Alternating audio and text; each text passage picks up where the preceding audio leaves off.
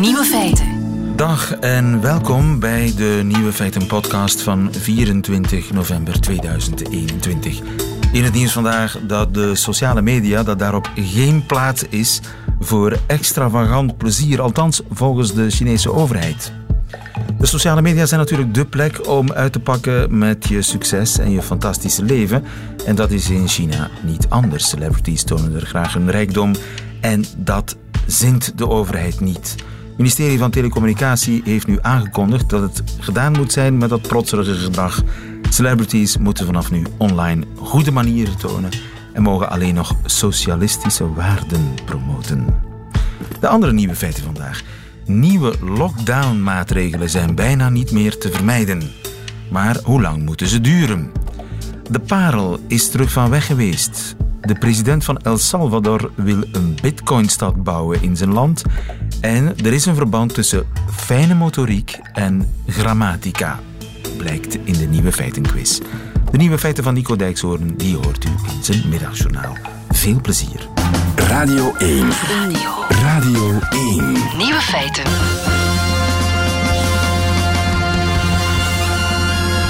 Gisteren was microbioloog Mark Bonten te gast in het Nederlandse programma Nieuwsuur. Mark Bonten is lid van het OMT Nederland, dat is eh, hun gems, zeg maar. En opvallend, hij schetst een heel somber beeld van de toekomst. We weten in elk geval heel duidelijk wat we niet willen in dit land. We willen niet, althans, ik ga ervan uit dat we dat niet willen, dat de reguliere zorg weer afgeschaald moet worden tot, tot hele lage cijfers. En wat ook wel duidelijk wordt, we willen eigenlijk geen maatregelen. Elke sector heeft een goed verhaal waarom in elk geval in die sector geen maatregelen bij moeten, liefst eraf, want daar zit het probleem niet. We willen zeker geen gesloten scholen, we willen de horeca niet dicht, het hoger onderwijs moet open. Dus daar, dat is ook duidelijk wat we willen. En anderzijds hebben we een, een groot deel van de bevolking, proportioneel klein deel, maar nog steeds een grote groep mensen die niet beschermd zijn, niet gevaccineerd zijn. En eh, in dit land willen we ook niet praten over vaccinatie, dwang, drang of plicht. Die drie dingen samen gaat niet. Als we zeggen de maatregelen zijn onbespreekbaar, dan moet of die vaccinatiegraad snel heel erg omhoog en tot die tijd moeten die ziekenhuizen zien te overleven. En als je zegt ik kan, we, gaan, we kunnen die vaccinatiegraad kunnen we het verder niet over hebben. Dan rest slechts één ding en dat is de maatregelen, denk ik, heel scherp aanscherpen. Om de ziekenhuizen zeg maar, overeind te houden. En het probleem dan is, dan gaan we waarschijnlijk heel effectieve maatregelen krijgen. Laten we daarvan uitgaan. Dan bouwen we ook geen verdere immuniteit op in de mensen. En dan betekent dat we waarschijnlijk die maatregelen moeten aanhouden tot het voorjaar ons uit die crisis gaat halen. Mark Bonte, gisteren microbioloog, gisteren op de Nederlandse televisie in het programma Nieuwsuur. Als we niet heel snel de vaccinatiegraad drastisch kunnen opkrikken, dan rest ons geen andere mogelijkheid, ik vat het even samen, dan een lockdown tot aan de zomer. Ja, Mark van Ranst, goedemiddag. Goedemiddag. We weten allemaal wat we niet willen. Vaccinatieplicht willen we niet, overlopende ziekenhuizen willen we niet, lockdownmaatregelen willen we niet. Dat uh, is duidelijk, maar die drie samen, dat gaat niet. Ben je het daarmee eens? Uh, ik ben het voor een heel groot deel wel eens. Natuurlijk een lockdown tot de zomer. Ik denk zelfs dat de Nederlandse collega dat niet bedoelt op die manier. Um, men gaat heel erg zijn best doen om die term lockdown te vermijden. Um, dat gaat ook natuurlijk niet gaan over eenzelfde lockdown als we hadden uh, tijdens de eerste golf, die eerste lockdown. Maar dat er strengere maatregelen moeten komen, ja, dat wordt nu toch stilaan nog duidelijker. Ja, we hebben dit niet onder controle. Onze eerste lijns gezondheidszorg is aan het afhaken. Velen daarvan zijn ook ziek geworden. We hebben het heel druk met staalafnames, met zieke mensen. Um, onze ziekenhuizen staan weerom een keertje onder druk. Um, dit, um, ja, dit is niet op korte termijn oplosbaar. Ja, en de vaccinatiegraad op korte termijn drastisch opkrikken. Stel dat dat zou gaan lukken, dat je plotseling alle mensen die nog niet gevaccineerd zijn op zeer korte termijn kunt overtuigen. In theorie, is dat een oplossing? Wel, we doen het natuurlijk wel een beetje beter dan Nederland. Uh, we vaccineren met die eerste twee prikken beter dan Nederland, alhoewel dat, dat niet veel is. Um, en in Vlaanderen doen we het sowieso beter dan Nederland. En we zitten al een heel stuk verder met de derde prik. We hebben er al een miljoen gegeven. In Nederland gaat men er nu pas aan beginnen. Dus daar hebben we wel een beetje voorsprong. En, maar eh, die vaccinatiegraad opkrikken op korte termijn zal de ziekenhuizen natuurlijk niet uh, van overlopen verlossen. Nee, niet op korte termijn. Dat wanneer iemand vaccineert, zelfs met die derde prik, dan eh, ga je niet onmiddellijk dat rendement van zien. Dan ga je toch minstens een week, tien dagen moeten voor wachten. En je kan ook niet iedereen op hetzelfde moment gaan vaccineren. Ook al hebben we die vaccins nu uh, wel liggen. Um, en, en ook al zou dat misschien allemaal wat, uh, wat vlugger en vlotter moeten gaan in ideale omstandigheden. Ja. Um, je gaat daar nu onmiddellijk geen verlichting mee brengen. Maar zoiets als een vaccinatiedwang of een uh, vaccinatieplicht, is dat nog altijd voor jou een, een iets wat, wat eigenlijk niet besproken moet worden? Uh, het heeft een paar voordelen en het heeft een heleboel nadelen ook. Um, dus je moet ook, je moet ook kijken naar de, naar de lange termijn. Ja, willen we dit voor alle vaccins doen? Willen we dit voor andere vaccins doen? Het antwoord op dit moment is nee. We doen dit enkel voor polio, omdat dat historisch zo gegroeid was.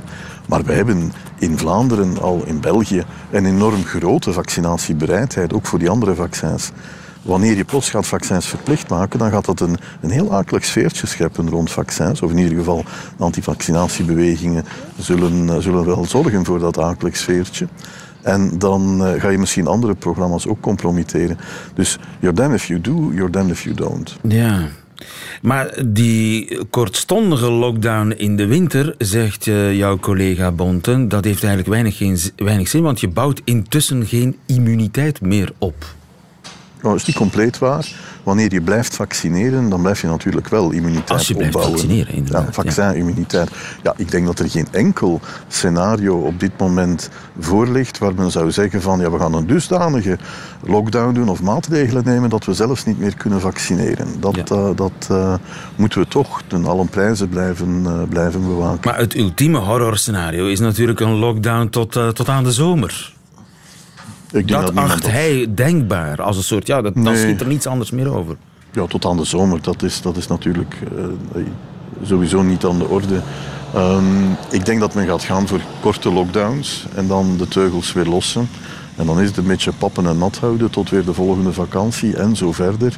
En tot uiteindelijk eh, er nog meer vaccinaties zijn, die antivirale pillen er zijn. Er is altijd wel iets aan de horizon, maar bon, dat, eh, dit is geen eenvoudige toestand. Nee. En alleen ja, pappen en nat houden, dat klinkt, ook, dat, klinkt al even horrorachtig in mijn oren dan, eh, dan die ja, strakke lockdown eh, tot, eh, tot na de winter.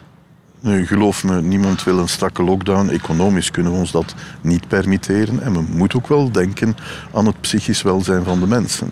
Ja, curves naar beneden krijgen, allemaal heel goed. Zorgen dat de ziekenhuizen niet overbelast geraken, allemaal heel goed. Maar je moet er toch ook voor zorgen dat, eh, dat eh, niet iedereen psychisch onderuit gaat. Ja, dus rest er eigenlijk nog maar één ding, dat is meer vaccineren, sneller die derde prik. Nee, En, nee. Er zijn, er zijn daar gulden middenwegen waar men eh, een aantal dingen wel gaat verstrengen. Ja, ik denk dat grote manifestaties, feesten en fauzen, dat dat waarschijnlijk een tijd niet gaat kunnen doorgaan. Ehm, dat zijn zaken die, eh, die, die zeker, zeker op tafel liggen. Ja, en in ieder geval, het, de situatie vraagt om eh, daadkrachtig optreden. En eh, benieuwd of dat eh, de komende dagen, weken erin zit. Mark van Rans, dankjewel voor de toelichting. Tot de volgende. Nieuwe feiten. Gaat u binnenkort op vakantie naar Bitcoinburg? Ik noem hem maar de Bitcoinburg. Eh, de nieuwe stad, de Bit Bitcoin City, Bitcoin-stad, die zal worden gebouwd als het van de president van El Salvador afhangt in zijn land. Goedemiddag, Erik Joly, Goedemiddag. hoofdeconoom van ABN AMRO. Een volledig nieuwe stad dus, gebouwd in het Centraal-Amerikaanse land El Salvador. Die stad komt in de buurt van een uitgedoofde vulkaan en die zal geheel eh, gebouwd worden en gewijd zijn aan de bitcoin. Ja, dat, eh, dat klopt. Eh, het zal een stad zijn zoals elke andere stad, met eh, commerciële ruimte, infrastructuur voor woningen, horeca, musea. Er zal zelfs een, een vliegveld aangelegd worden.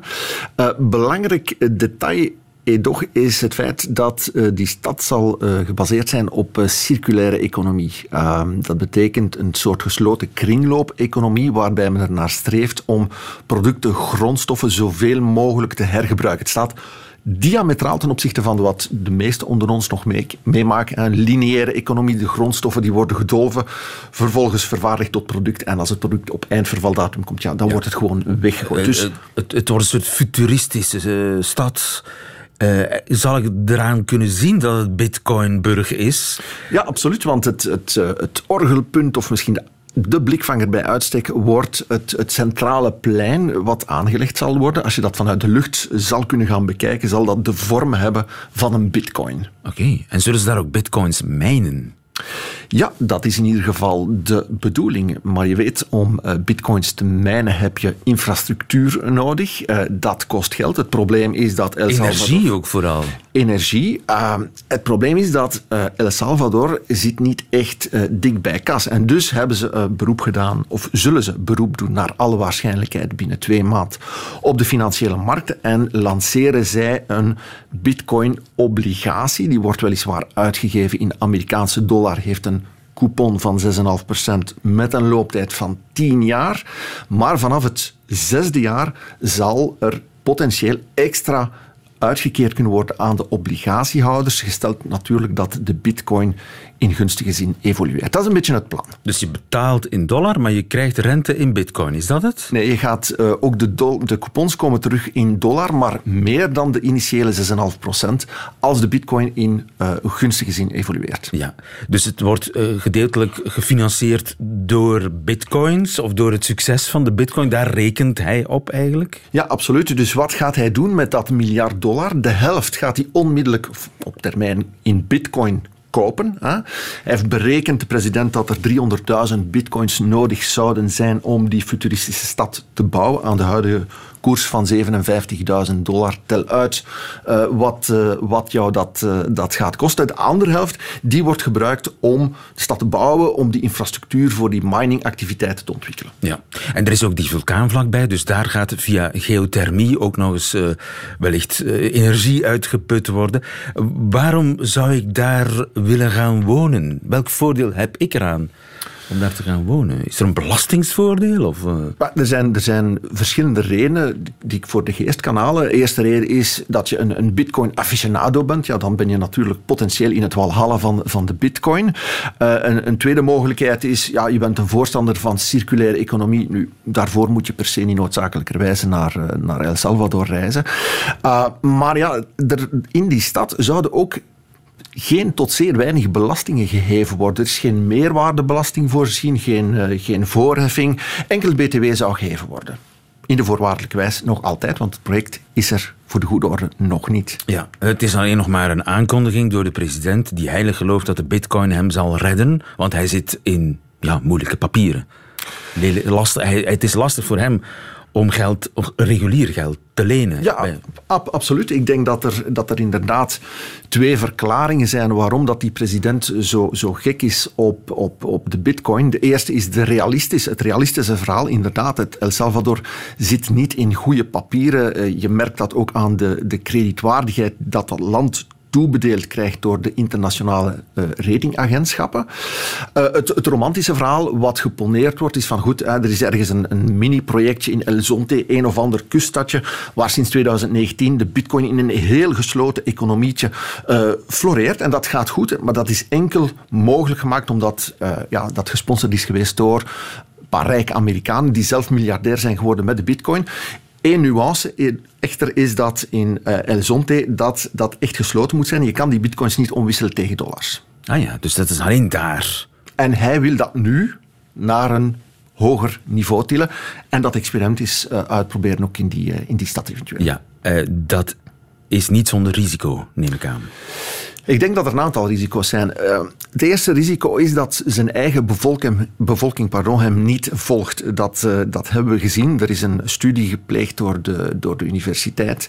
En daaruit blijkt dat eigenlijk uh, ehm, 95% van de Salvadoranen liever de dollar heeft als iets wat waardevast is dan de bitcoin. Twee, 65% van uh, de bevolking die zegt ja, ik hou er niet van als men mijn loon gaat uitkeren in, in, in bitcoin. Dus dat, daar heeft hij al een probleem. Hij heeft potentieel ook een, een, serieus probleem met het IMF. Uh, het IMF uh, heeft een tijdje terug een, een lening eigenlijk opgeschort, een beloop van 1,3 miljard dollar. En dat komt omdat het IMF zegt, ja kijk, wat je daar gaat doen, El Salvador is een land met hoge Um, men gaat nu zelfs potentieel ook de belastingen kunnen uitbetalen in, in, in bitcoin.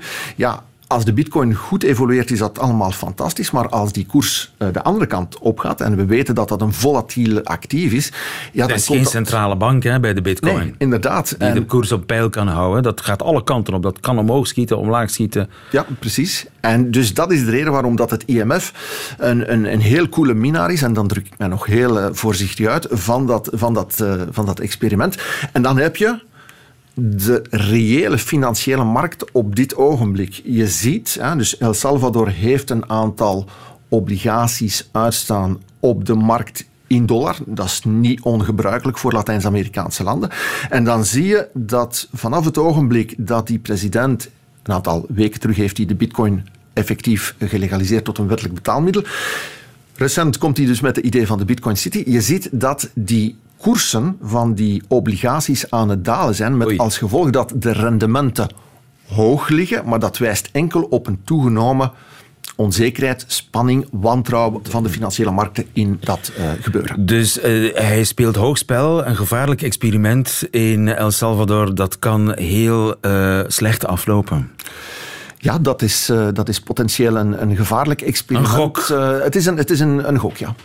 Een gok in El Salvador door die uh, ja, toch wat ja, niet, niet conventionele president, zullen we maar zeggen. Ja, het is, een, het is een gewezen marketeer en je ziet dat hij circulariteit en, en bitcoin, dat hij dat allemaal uh, zeer mooi met elkaar ziet, uh, ziet te verweven, dat is duidelijk. Erik Jolie, dankjewel. Dank je. Goedemiddag. Radio 1. Nieuwe feiten. Ik had niet eens door dat ze weg waren, maar ze zijn kennelijk terug. Parels, Koen Wulms, goedemiddag. Hallo, hallo. Je bent uh, lifestyle-journalist en je schrijft in het Financieel Dagblad over de comeback van de parel. Die dus volledig uit de mode was geraakt, kennelijk. Ja, ja. Uh, eigenlijk heeft het ermee te maken dat uh, prinses Diana is overleden in 1997. Zij was een enorme ambassadeur van de parel. Ze droeg ze heel vaak en ook iconische stukken. En dat inspireert natuurlijk enorm. En na haar overlijden is er eigenlijk niemand uh, geweest die die positie heeft overgenomen. Dus het interesse in parels is langzaam maar zeker weggeëpt. Tot een dieptepunt een paar jaar geleden, waardoor ehm, de vraag zo laag was naar parels dat een enorme grote leverancier uit Duitsland, Schuffel, uh, is uh, failliet verklaard. Oké, okay. de parel had een imagoprobleem. Wat was dan het imago van de parel? Ja, vooral de parelsnoeren uh, stonden gelijk aan ouderwets, aan oma's, aan gedateerd en niet van nu.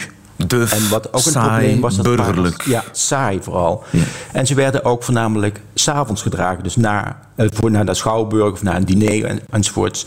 Uh, en de vrouw nu stelt andere eisen aan parels. Die wil ook overdag parels kunnen dragen. En de parel is nu aan een comeback begonnen. Hoe is dat gegaan? Ja, ja dat zijn... Uh, de, er zijn een aantal, aantal, redenen voor, uiteraard. Maar een van de redenen is uh, Kamala Harris, die, uh, de Amerikaanse vicepresident, die heel veel parels draagt. En ook op een andere manier parels draagt. Gecombineerd met uh, goud bijvoorbeeld.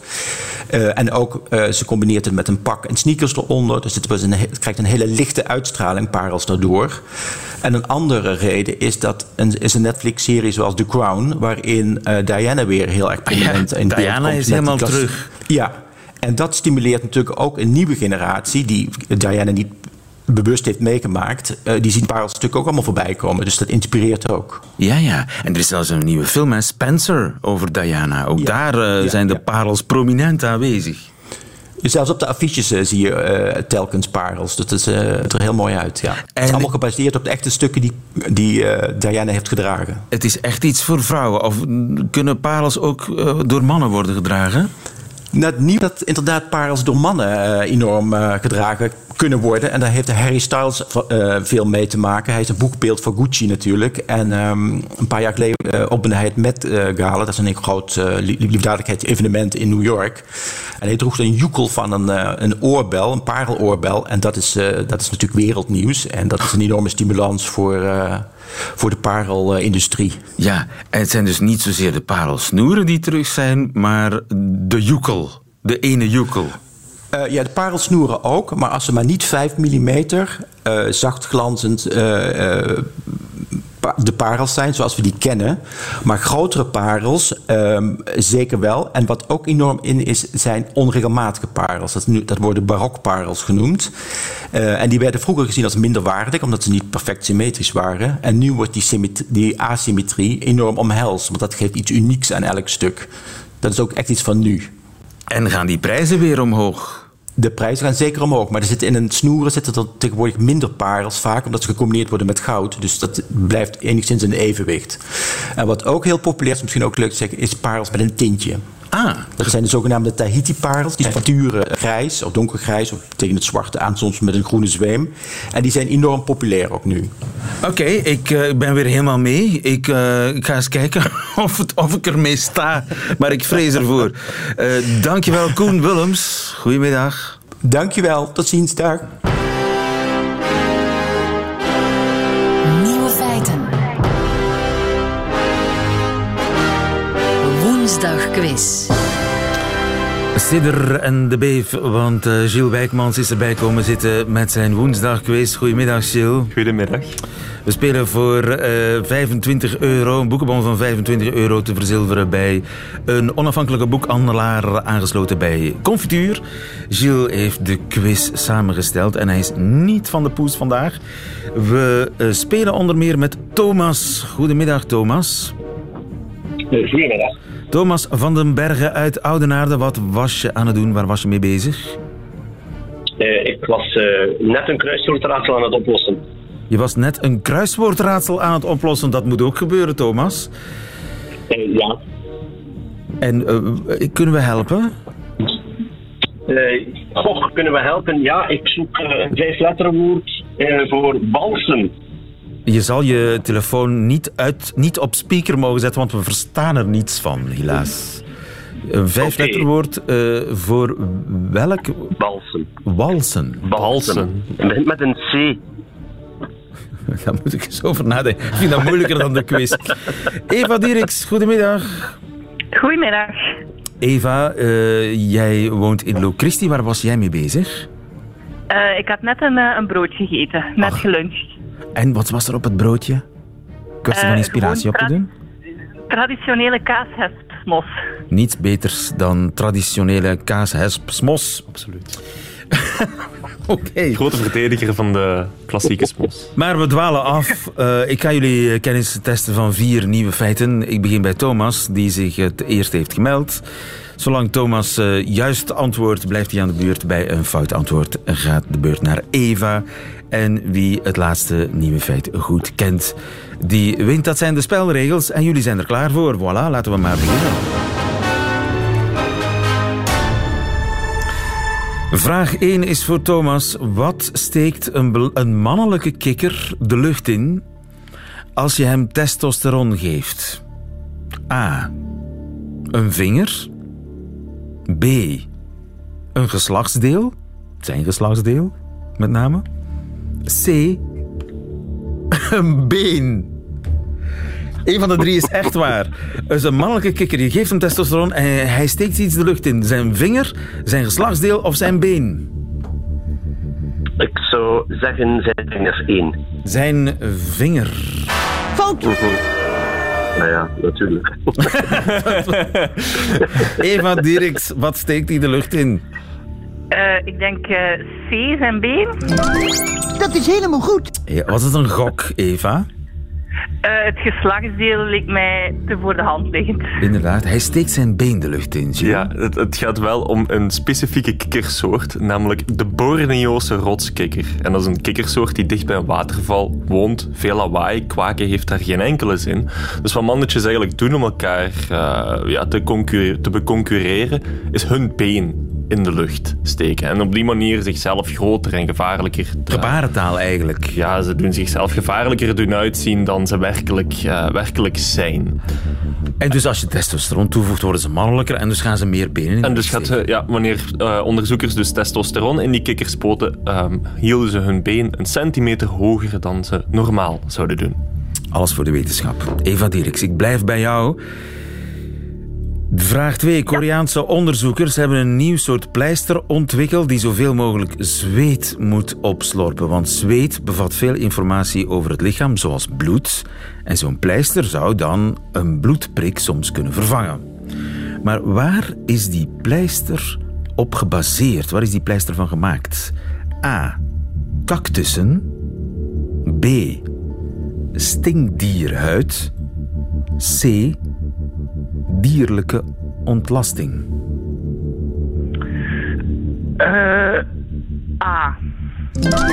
Dat is helemaal goed. Maar je een indrukwekkend parcours aan het afleggen, Eva. Het, eh, heb je weer gegokt? Eh, ja, ja. Goed gegokt. Nee, voor alle duidelijkheid, de pleister is niet gemaakt van cactus, maar wel erop geïnspireerd. Dus je kent misschien een cactus, daar zitten zo van die groeven in, die naar beneden lopen. Die zijn eigenlijk bedoeld om water in de woestijn, waterdamp, eh, naar beneden te geleiden naar de wortels van de cactus. Zo kan die drinken in heel droge omstandigheden. En inderdaad, zoals je daar- daarnet zei, zweet kan heel veel informatie bevatten. Diabetespatiënten moeten nu vaak bloed laten trekken, heel vervelend. Dat kan ook met zweet. En om dat zweet te verzamelen, hebben dus Koreaanse onderzoekers een pleister gemaakt die de, ongeveer dezelfde vorm heeft, of, een, of toch een vorm geïnspireerd op die cactus, zodat er veel zweet kan verzameld worden, zelfs wanneer mensen niet zoveel zweten. Oké, een, een pleister à la cactus. Yes, Als het zonder stekels natuurlijk. Zonder stekels, gelukkig. Vraag 3, ik blijf bij Eva. Wat ontdekte een nieuw onderzoek naar het dieet van de Britten? A. Haggis, het traditionele Schotse gerecht met schapenmaag, versterkt het immuunsysteem aanzienlijk. B. Mannen stoten meer broeikasgassen uit dan vrouwen. C. Boris Johnson-stemmers eten gemiddeld per dag 500 calorieën meer dan de rest van hun landgenoten. Wat bleek uit dat nieuwe onderzoek? Ehm, ik denk B. Dat is helemaal goed. Wauw. Wauw. Een collectieve wauw. Ah, eh, weer gegokt. En weer goed gegokt. Eh, ja, een beetje deductie misschien ook. Deductie, want ja, haggis, hoe haggis immuunsysteem eh, versterken, dat is misschien... Dat had toch ook gekund? Eh, ja, maar ik denk dan, ik associeer bijvoorbeeld het scheten laten ook eerder met mannen en het daarmee grotere uitstoot. Maar Eva toch. Maar, maar je hebt gelijk. Maar ligt het aan de wind die mannen meer maken dan vrouwen, Gilles? Of het dan, nee, het ligt niet aan de wind. Het, het gaat om de uitstoot van broeikasgassen, voor alle duidelijkheid. En mannen eten gewoon... Ja, maar ik bedoel, wind, eh, eh, methaanwind die mensen maken, nee? Nee, het heeft niks met scheten te maken. Oké. Nee, het zijn echt broeikasgassen die door de vleesproductie ehm, geproduceerd Het worden. is en mannen, indirecte ja, uitstoot. mannen eten meer vlees. En vlees is, zoals we weten, slecht voor het milieu en voor het klimaat. En dus stoten zij ongeveer 41% meer uit broeikasgassen dan vrouwen. 41 procent. 41 procent. Dringend eens onderzoeken hoe dat bij ons zit. Ja. Indirecte uitstoot, voor alle duidelijkheid. Het gaat niet om scheten. Vraag 4. Eva, slotvraag. Heb je die goed, dan win je deze quiz. En dan, ja, dan... Thomas is er eigenlijk dan nauwelijks aan. Sorry, je bent er toch nog, Thomas? Is Thomas er nog? Is terug met zijn kruiswoordraadsel begonnen misschien. Thomas? Oei. We proberen het contact te herstellen met Thomas, want wij hebben hem misschien ook nodig. Dat hangt van Eva af. Heb je deze vraag goed, dan eh, win je deze quiz. Nieuw onderzoek, vraag 4, toont aan dat een bepaald gezelschapsspel goed is voor je grammatica. Welk spel? Twister, B. Mens erger je niet. C. Dr. Bibber.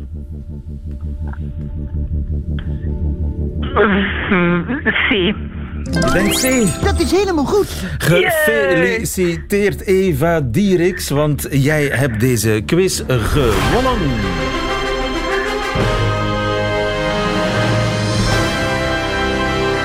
Eh, Thomas, mocht je er weer zijn? Hij is er weer. Ja, ik ben er terug. Ja, dan is het alleen maar om weer afscheid van je te nemen. Want, wa- Thomas, het spijt me zeer, eh, maar Eva heeft jou platgewalst in deze quiz. En trouwens, de eerste Niet te persoon... verontschuldigen. Nee, dat denk ik, want de eerste persoon die alles juist heeft in deze quiz. Hè? Dat is een primeur. Dat is Ja. een primeur, een absolute Eva, primeur. besef je Ja. dat? Je bent eh, dokter in de nieuwe feitenkunde. Vanaf nu. We zullen jou een eh, oorkonde opsturen. Die gaat naar eh Lo Christi. Dokter Bibber kan helpen tegen, voor, voor je grammatica. Ja, vooral duidelijkheid, die onderzoekers hebben niet specifiek gefocust op Dr. Bibber. Maar wat ze gedaan hebben, is eigenlijk de hypothese getest dat fijne motoriek, dat oefenen, dat het helpt met grammaticale kennis. Omdat daar hetzelfde hersengebied voor verantwoordelijk is. Dus wat die eh, proefpersonen moesten doen, was eigenlijk het omgekeerde van Dr. Bibber. Bij Dr. Bibber haal je dingen uit een machine. Zij moesten pinnetjes in een klein rooster leggen, op die manier hun motoriek oefenen en dat verbeterde hun grammatica. Omgekeerd trouwens ook, mensen die hun grammatica goed oefenen, zijn beter in fijne motoriek. Wauw. Gefeliciteerd eh, Eva Dierks. Weet je al wel, welk boek je gaat kopen met je 25 euro? Eh, nee, nog niet over nagedacht. Wordt het fictie of non-fictie? Eh, Non-fictie waarschijnlijk. Non-fictie, want dan ben je nog sterker gewapend mocht je nog eens meedoen eh, met de nieuwe feitenquiz. Nogmaals gefeliciteerd Eva. En volgende week is er weer een nieuwe feitenquiz. Radio 1. Altijd benieuwd. Ziezo, dat waren ze. De nieuwe feiten van 24 november 2021. Alleen nog die van Nico Dijkshoorn nu in zijn middagjournaal. Nieuwe feiten. Middagjournaal. Beste luisteraars. Tanja begon vanochtend over mijn middagjournaal van gisteren. Ze zei: Wel een beetje veel over jezelf, hè, Dijksoren? Wat boeit het die Belgen nou dat jij niet achter in een taxi durft te zitten? En ik schrok, want had gelijk. De wereld staat in brand, de corona giert over de aardbol. Het water stijgt. En daar zit ik te leuteren over kleine ongemakken. Wat een vreemde reactie eigenlijk. Zou Tanja niets hebben gezegd, dan had ik vandaag waarschijnlijk weer over een pratende stofzuiger zitten lullen. Of over een schilderij vol met kabouters. En dat ik mij dan afvraag welke taal die spreken en waarom ze een puntmuts dragen. Dat is heel onhandig in een bos. Ik heb nagedacht en ik denk dat ik weet waarom ik het de laatste tijd zoek in het minuscule leed. De kleine ongemakken. Ik weet ook nog precies wanneer dat begon. Twee maanden terug keek ik naar een documentaire over de opwarming van de aarde. En er werd verteld dat het water de komende 50 jaar wel een halve meter kan stijgen. Ik nam nog een hap van mijn cake en ik dacht: doe daar maar meteen 16 meter bij, daar zijn we er vanaf. Het mislukte evolutionaire experiment mens. En luisteraars, ik schrok niet eens, want zo denk ik erover. De mens is mislukt. Wat ooit miljoenen jaren een goed idee leek, intelligente dieren een keertje op hun achterpoten laten lopen, dat is uitgemonden in een ramp. De mens gaat ten onder aan het waanidee onmisbaar te zijn. Want dat zit er bij ons wel heel hard ingebakken. Dat er echt iets schitterends verloren gaat als wij er niet meer zijn. Ik geloof juist in het omgekeerde. Moeder Aarde zal een zucht van verlichting slaken als de mens zichzelf heeft opgeheven. Al sinds de aarde draait, zijn er ijstijden, overstromingen, inslaande meteoren en verwoestende stormen. En dat zal nooit veranderen. Het enige verschil met vroeger is dat er nu een soort over de aarde wandelt die het eigen einde aan ziet komen. En daar dan ook eindeloos over blijft zeuren omdat ze zo bijzonder zijn. Kijk één avond op de televisie naar spelshows. Lees een uurtje Twitter. Bezoek een risicowedstrijd voetbal. En je begrijpt dat we precies krijgen wat we verdienen. We hebben niet genoeg ons best gedaan. Te vol van onszelf. Te destructief. Wegwezen van deze planeet. Daarom zoek ik het ook vandaag in klein, behapbaar geluk. Mijn dochter is jarig. Als je luistert, Marlon, gefeliciteerd. Sorry dat we er zo een rotzooi van hebben gemaakt.